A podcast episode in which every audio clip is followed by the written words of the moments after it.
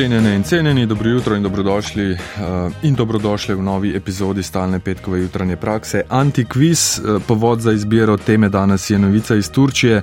Tam so ta teden v parlamentu sprejeli novo medijsko zakonodajo, ki predvideva zaporne kazni za širjenje dezinformacij. Ljubkovalno uh, ga v Turčiji upleteni kličejo kar zakon o dezinformacijah. Kaj to pomeni za medije in novinarstvo v Turčiji, če tak zakon spreme Erdogan? Um, si približno znamo predstavljati. Uh, kakorkoli, pet podatkov o Turčiji, štirje držijo, eden je dezinformacija, iščemo pa točno to. Nič ena, 475, 2202, tole so podatki o Turčiji. Podatek številka ena. Batman je ime mesto na vzhodu Turčije, vasica ob reki Batman je eksplodirala pod kritju nafte v regiji. Danes je pa to že univerzitetno mesto, študirate lahko torej na univerzi Batman. Drugi podatek: Turčija je izrazito nasprotovala spremembi armenskega grba, na katerem je bila upodobljena gora Ararat, ker ta uradno leži v Turčiji. Nikita Hruščov je takrat Turkom odgovoril: Kolikor vem, imate vi na svoji zastavi luno. Podatek številka 3. Leta 1930 je Turčija začela pošiljati nazaj vso pošto, ki je bila naslovljena na Konstantinopel, s tem so hoteli spodbuditi svet, da bi začel končno uporabljati ime Istanbul. Četrti podatek. Istanbul je edino mesto na svetu, ki leži na dveh kontinentih. In še peti, zadnji podatek. Hagija Sofija je eden največjih, eh, najpomembnejših sakralnih objektov na svetu, znana je tudi po tem, da je še danes na njej mogoče videti zapise v vikinških runah. Nič 1, 475, 2202, kateri od petih podatkov ne drži.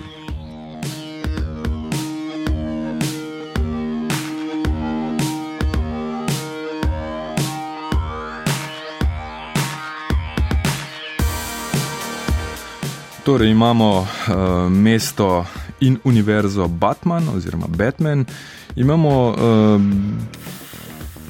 zgodbo o armenskem grbu in uh, turški zastavi, pa imamo uh, zgodbo o pošti, ki so jo nekoč pošiljali za Konstantinopel in so Turkijo začeli vrat, vračati, če ni pisalo gor tudi Istanbul. Istanbul kot edino mesto na dveh kontinentih in um, enega najpomembnejših sakralnih objektov na svetu, uh, danes spet mošejo, uh, na kateri pa še vedno mogoče videti zapise v vikinških runah. Nič 1475 2202, naša telefonska številka.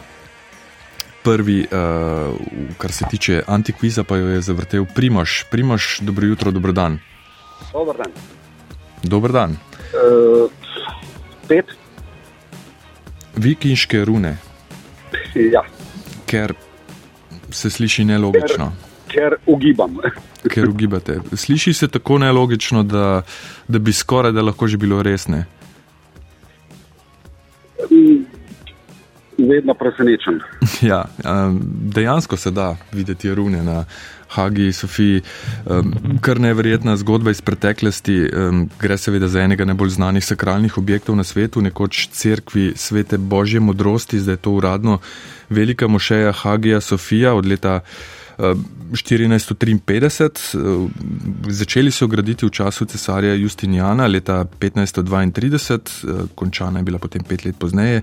Sultan Mehmed II. jo je preuredil v najpomembnejšo mošejo Otomanskega cesarstva, rekli smo um, letnico, torej 453, uh, in tako je bilo do leta 1923, ko jo je Atatürk spremenil v muzej.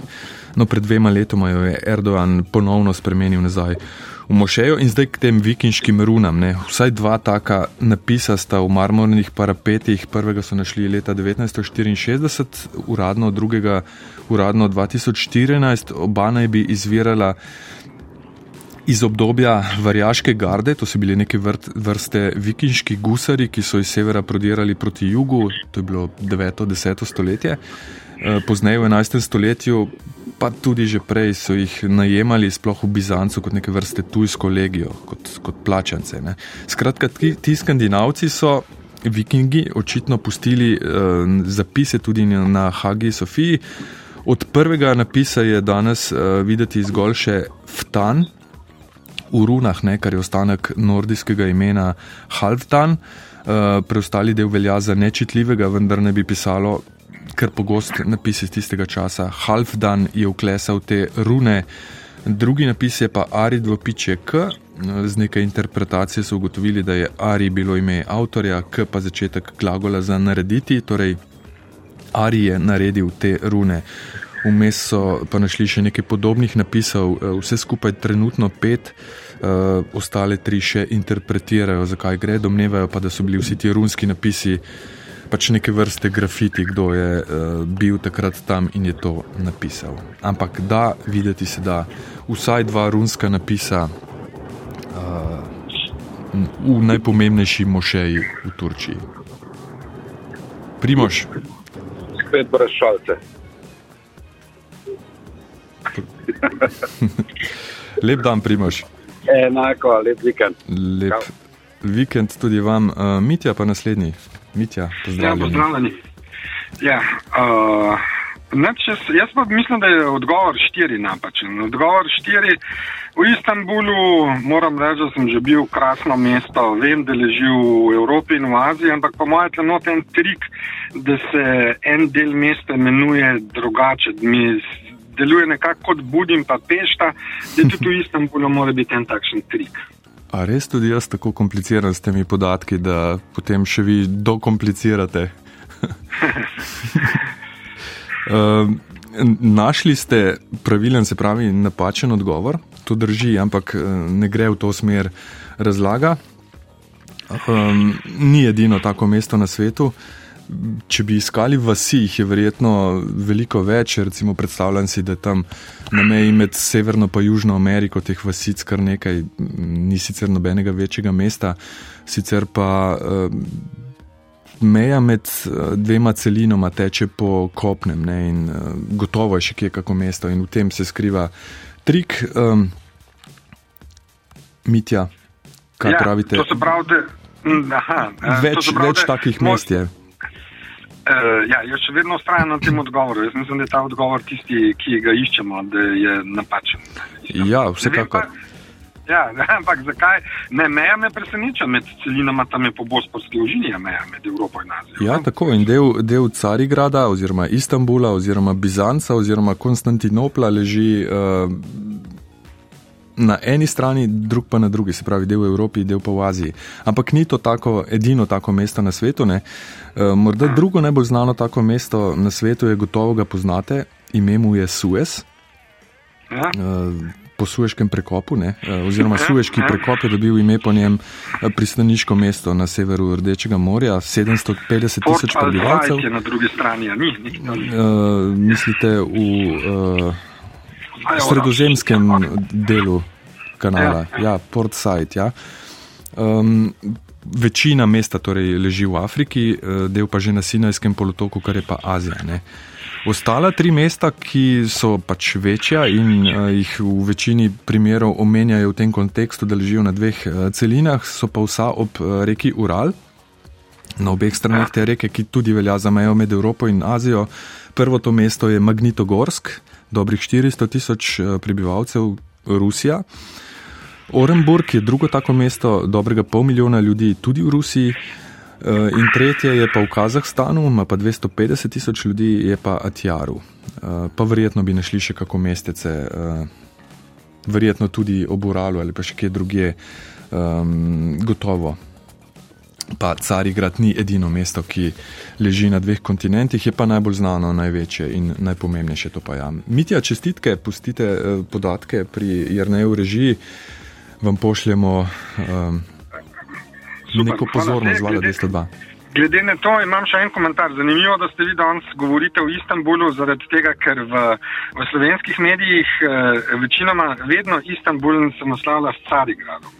Ja, vi danes pa ja. govorite o Istanbulu, ne govorite o Carigradu. Ja, veliko zmede, mora bi pa prav preveriti, kakšna navodila imamo, ker imamo navodila, ampak očitno jih, morda jih tudi kršim. Se pa mi zdi, ne, pre, da. Na, na, vaše, na, vaši, na vašem RTV portalu je uh, vedno, kadar je govor o Istanbulu, se piše o Carigradu. Pogledam pa, pa sporočim.